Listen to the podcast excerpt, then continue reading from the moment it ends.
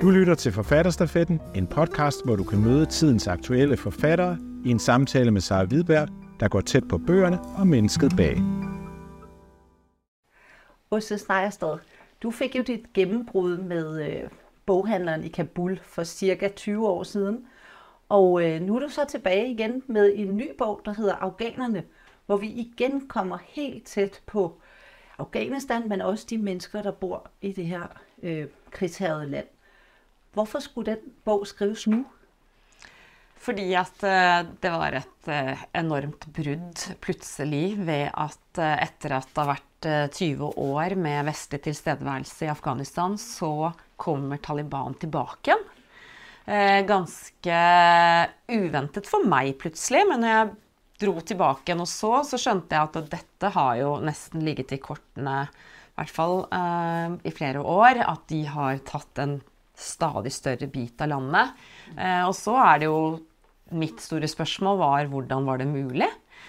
Og så var det jo at nå for første gang så kunne vi jo møte Taliban. fordi inntil, inntil jeg reiste, da, eh, så, så, var jo Altså Taliban var en terrorhær. Eh, vestlige journalister ble bortført, kidnappet, eh, drept. Eh, så det var ikke mulig å få en sånn naturlig tilgang til Taliban. Nå tenkte jeg nå skal jeg prøve å forstå hvem de er ja, et meget modigt prosjekt. Og i, i bogen, der øh, gør du så det, at du har tre hovedpersoner, hvor vi møter igjennom igennem den og får hele deres historie, også noget af deres øh, familiebaggrund. Og det er Jamila, som er, du kan fortælle lidt om hver af dem. Og så er der Bashir, som jo er talibaner, mm. og så er der en ung kvinde, der hedder Ayana. Mm. Vil Fortell, hva for mm. dem? Mm. Ja, jeg kan godt eh, begynne i den rekkefølgen du nevnte dem også. fordi at eh, da jeg eh, Altså, jeg satt i Oslo eh, 15.8.2021 når Taliban inntar Kabul. Eh, og jeg har ikke da noen tanke om å reise dit. Jeg holder egentlig på med noe helt annet. Eh, men så Det som skjer, er jo at afghanerne kommer til Norge og til Danmark og til Tyskland og til USA gjennom de evakueringsflyene. Da er det jo eliten som eh, blir fløyet ut. Det er de som kunne komme til å være i fare fra Taliban, og det er deres familier. Og til Norge så kommer det også en god del. Eh, og jeg hører på eh, et, en, et podkast faktisk med to av disse kvinneaktivistene. En som er ganske sånn vestlig orientert, og en som kaller seg en islamsk feminist. Eh, og jeg syns at hun som kalte seg en islamsk feminist, eh, Jamila Afghani, eh, som også har tatt et etternavn til hele landet Det er ikke hennes etternavn, men hun ønsket et navn som på en måte skulle være hele landet, ikke som kunne si hvilken etnisitet hun var, eller klan, eller hvilken stamme hun tilhørte. Hun hadde på en måte et sånt veldig sånn ja, så å si, afghansk fundament da, i sin eh, kvinnefrigjøringsprosjekt. Så jeg kontaktet henne. Da var hun på et asylmottak med familien sin eh, sør i Norge, eh, og møtte henne. Eh, og gjennom høsten, eh, hvor hun senere ble flyttet til Alta, som er så langt nord du kan komme i Norge, helt mørkt om vinteren, der flyttet man denne ene afghanske familien. Eh, men jeg var mye på besøk der og fikk hennes da, liksom, barndomshistorie, foreldrenes historie. Altså, det er veldig ofte når jeg jobber med en bok, så tenker jeg hele tiden å, jeg må lenger bak, jeg må lenger bak, jeg må lenger bak. Så denne historien er jo ca. 100 år har jeg gått mm. med til. Og det som var litt viktig med det, var at liksom da hennes far da ble født midten på 20-tallet, altså for nøyaktig 100 år siden, så ehm, var det en veldig progressiv eh, regjering i Afghanistan. Altså et, et kongepar, det var monarki, som eh, forbød burkaer, som åpnet opp for Det var en kvinnelig utdanningsminister, det var sant, krisesentre, kvinneblader Det var liksom mer enn mange hadde i Europa. Og det tenkte jeg er litt viktig viktig å beskrive de årene, og senere 30-tallet, 40-tallet, hvor de hadde fred og utvikling, mens vi hadde krig. Mm. At vi ikke bare ser på Afghanistan som å, der er det alltid krig. Mm. De ødelegger for seg selv, de kan ikke holde fred. Men i hvert fall gjennom da hennes foreldre så får vi også, også den delen av historien. Eh, og hennes oppvåkning som feminist. Eh, og det som er litt interessant, er at eh, hun forteller i hvert fall selv at det er Koranen som hjalp henne. For hun er oppvokst i en familie hvor Du får ikke lov, det står i Koranen. Du kan ikke gjøre det, det står i Koranen. Jenter kan ikke slik eller sånn, det står i Koranen. Og så leser hun, lærer seg arabisk, leser Koranen på originalspråket og ser det er jo ikke det det står i Koranen. For Koranen sier til alle les, lær, søk kunnskap. Så hun på en måte med Koranen i hånd, så kjemper hun for kvinners deltakelse. Og hennes hjertesak er jo utdanning. Mm. Eh, og hun er blant dem som, eh, når Taliban faller da, i 2001 eh, Da er hun 24 år. Da drar hun tilbake fra flyktningtilværelse i Pakistan til Afghanistan og begynner rett å jobbe og begynner med utdanning og går inn med masse kraft og masse håp. Eh, og det holder hun på med i, da, i 20 år, inntil hun er den som må forlate landet og kommer til Norge og forteller sin ordet. Til deg. Mm. Hun er den ene av dem. Og så har vi jo også Bashir, mm. som, øh, som, du møter. Og øh, hvordan er det å komme så tett på en der er fra fjenden? Mm. Og du kommer ikke bare mm. tett på ham, men også på hans to koner. Ja, ja. Og nesten den tredje kona. Han gifter seg jo for tredje gang mens jeg er der. Eller forlover seg, da, og senere gifter seg. Men eh, prosjektet eh, da jeg reiste i januar i fjor, øh, var å møte på en måte Jamilas motsats. Mm. Ikke sant? Hun hadde vært minister i regjeringen, eh, og jeg tenkte jeg må finne en mann i Taliban som er litt på samme nivå, altså ikke en sånn fotsoldat, men en som liksom eh, har vært med i 20 år, sånn som hun har vært. Og så fant jeg, etter en ukes tid, så fant jeg Bashir. Jeg var liksom gjennom flere, men jeg, liksom, jeg møtte han, så skjønte jeg han passer veldig godt. Han er født i 1987, eh, så han eh, er ti år yngre cirka enn henne. Men har allikevel rukket å få med seg alle, alle de 20 årene med krig eh, ved at han gikk inn i Taliban som 14-åring. Og hans bakgrunn er også interessant fordi han hans liv er også forbundet med historien. Hans far ble drept da han var bare tre måneder gammel, av Sovjetunionen. Ikke sant? Så han kjempet som mujahedin, altså som afghansk motstandskriger, mot Sovjetunionen. Selv så kjemper han da mot den neste supermakten som går til angrep, som er USA. Så det er noe med det man forstår gjennom eh, bildet han, er at han går jo på en måte inn i en motstandsbevegelse. Og det har jo vi erfaring med i våre land. ikke sant? I Danmark og Norge eh, under krigen så hadde vi en motstandsbevegelse. Eh, I Norge heter de Gutta på skauen. Eh, jeg vet ikke hva, man, hva, de ble kalt her, men de var på en måte representerte store, store flertall av nordmenn. Der har du Taliban, selv om Taliban eh, representerer færre enn en den norske og danske motstandsbevegelsen tross alt gjorde. Men allikevel store deler så på det som en okkupasjon. Og det er det vi må forstå, at vi går inn og tenker at vi skal hjelpe de gode krefter, hjelpe demokrati osv. De føler de blir okkupert. Eh, av eh, Ikke bare er det en vestlig okkupasjonsmakt, men det er også noen med en annen religion. Og mange av de tror at å, de skal konvertere oss og sånn. Og det var det jo ingen som skulle. Men det er med i historien at de trodde det. Ikke sant? At, at de mister liksom sin, sin, sitt land. Da. Så det sier noe om hvorfor de kjempet så hardt. var at de kjemper for landet sitt. De kjemper om makten, selvfølgelig. Eh, og de kjemper for religionen sin. Og det siste er nok veldig viktig i forhold til eh, det der veldig, veldig eh, sterke personlige religionssynet ved at du, du, du, ser på Eller paradis er, en, det er et helt reelt sted som fins. Hvis du dør i krig, så kommer du direkte til paradis. Eh, ingen omveier. Og der er, der er alt du vil ha. Du får et vakkert hus med gull og marmor. Du får all den deilige maten du vil ha. Du kan drikke vin, faktisk. Du får alle de kvinnene du vil ha. Altså på en måte, Det er jo tipp topp for en fattig, fattig, fattig Taliban-soldat som er vokst opp på en jordhytte. Så det skinner, da. Døden skinner, på en måte.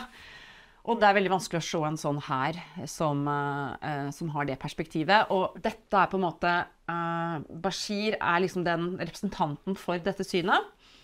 Eh, og vi følger han fra han verver seg og blir satt først til en sånn liten slags vaktmester, eh, og eh, senere hvor han stiger i graden og får lov å være med i kamp når han er 16 år og får litt grann skjegg. Eh, og senere hvordan han eh, stiger i graden i Taliban ettersom kommandantene hans dør. Ikke sant? Det er mange som dør. Eh, og han innehar de viktigste egenskapene for en suksessfull Taliban-kommandant, og det er at han har karisma. Det må du ha, for du, du, skal selv finne soldater. De skal på en måte ønske å være hos deg. Eh, og han er nådeløs. Det er på en måte han eh, Jeg har sett videoer hvor han på en måte henretter folk, liksom skyter dem i ansikter og henretter. Altså, han er torturist. Eh, han bortfører, kidnapper. Eh, han opplærer selvmordsbombere. Eh, blant annet så var han med å opplære selvmordssoldater eh, mot et stort angrep mot Serena hotell, hvor det var en norsk journalist som jeg faktisk kjente godt, som døde. Karsten Thomassen. Når, fortalte, når han fortalte om det, så sier jeg Oi, men jeg kjenner jo en du drepte. Det var liksom overraskende for meg. Var det, Oi, var det det angrepet? For da kjenner jeg Og da bare lo han. Oi. Da fikk han liksom latterkrampe, og så um, sa han, når han latteren stilnet, så sa han Ja, du må ikke tro at du får noe medfølelse med meg, fordi dere har jo drept mange flere enn oss. Så, så, jeg tror den latteren også var litt sånn sjokk, fordi det var liksom, han forteller og forteller, og så plutselig så har han drept en venn av meg, liksom. Eh, så eh, det Eller vært med å drepe, da. ikke sant? Vært med å utdanne de som Og forberede de selvmordsbomberne eh, som var med i det angrepet. Så han har liksom gjort egentlig alt det er mulig å gjøre i Taliban, og sitter nå og mesker seg med den seieren med sine to koner. Snart tre. Snart tre. eller nå er det tre.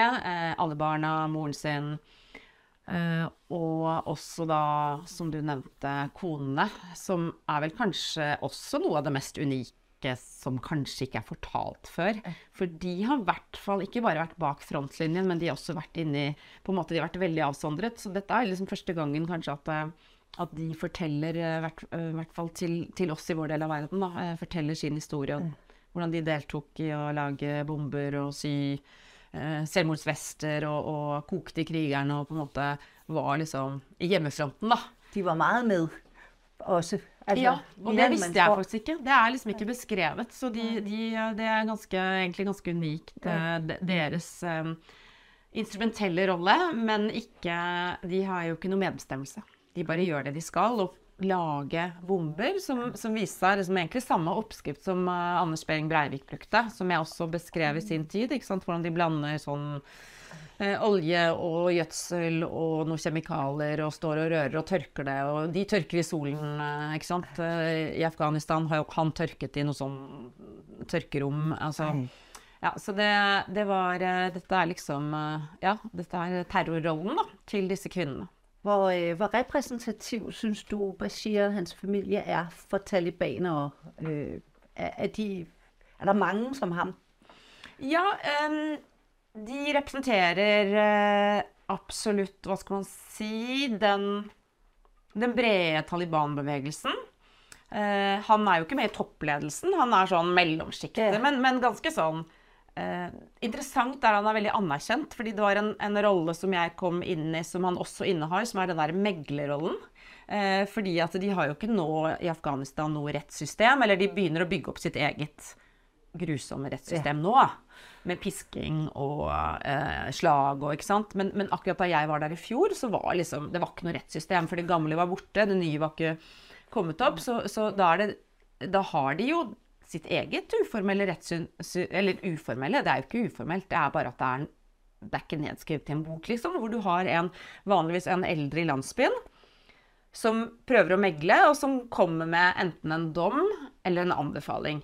Og det at Bashir, som nå er 35 år, eh, fikk en sånn rolle, viser også hans status. At han såpass ung fikk en sånn rolle. Og det er jo mye handler om kvinner. Det var nesten alle konfliktene som kom til han, var sånn en som har liksom, liksom, nekter å gifte seg med noen, eller har rømt hjemmefra, eller eh, noen som har inngått en avtale med å bytte to kuer mot en kvinne. Altså det er på en måte masse sånne ting, og mye handler om nesten Også noe handler om jord og land og områder og sånn, men, men jeg vil si at i hvert fall hovedtyngden av det jeg var med på, um, så handlet det om hvordan de skulle ha kontroll på, på kvinnene, kvinnene, sine. Og, og, da var han en, eh, en som da representerte det, det systemet der.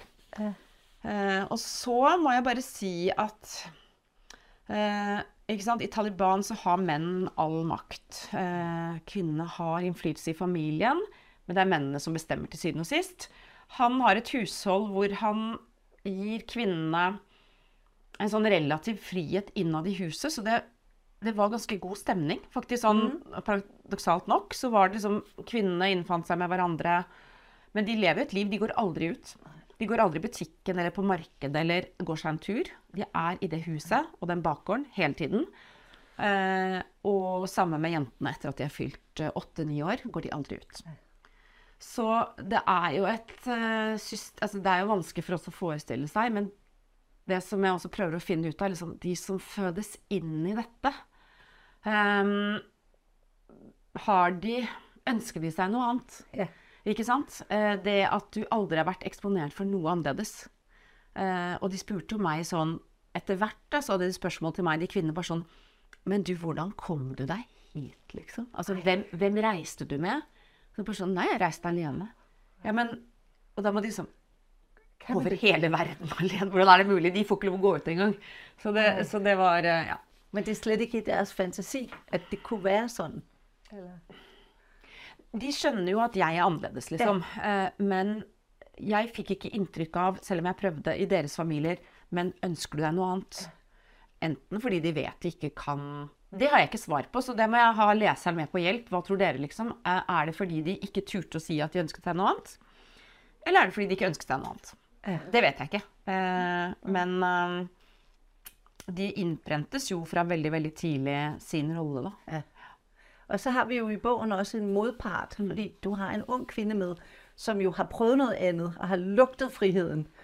Ariana, øh, hvad, hvad kan vi gøre for at hjælpe sådan nogen som Ariana?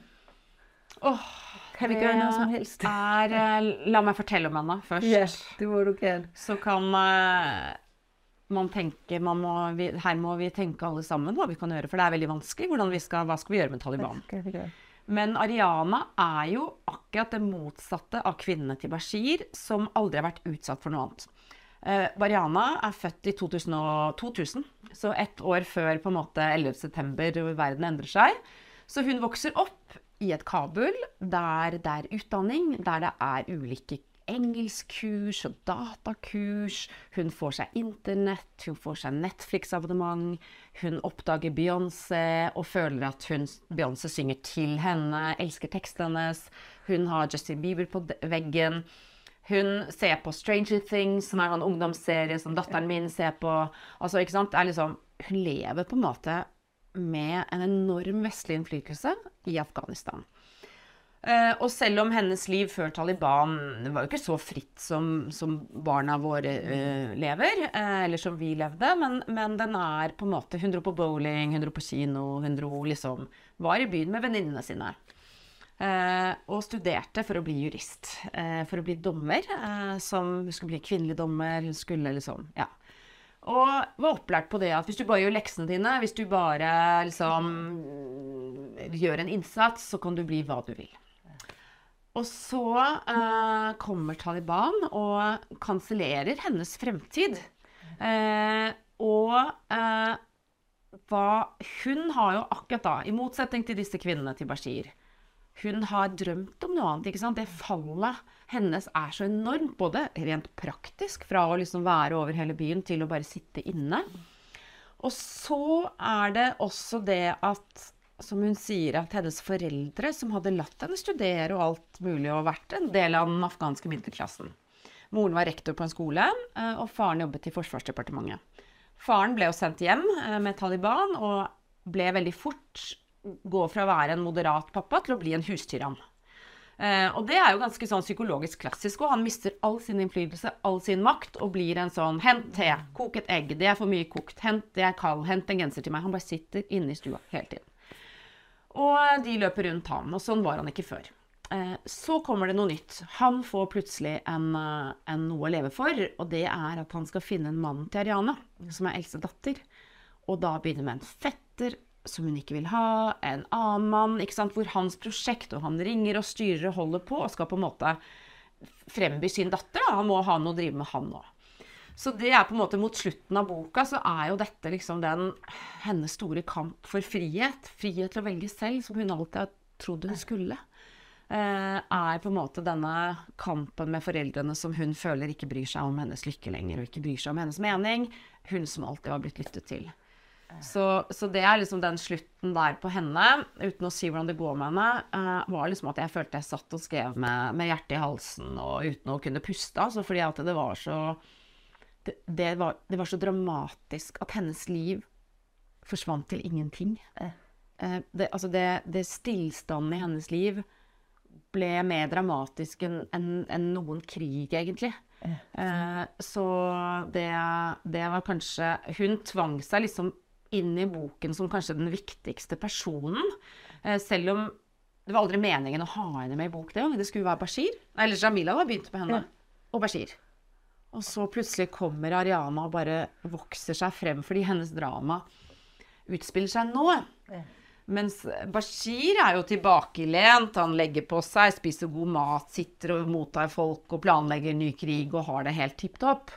Jamila hennes livsverk er knust. Uh, hun sitter da i, i, i Norge uh, og uh, er deprimert.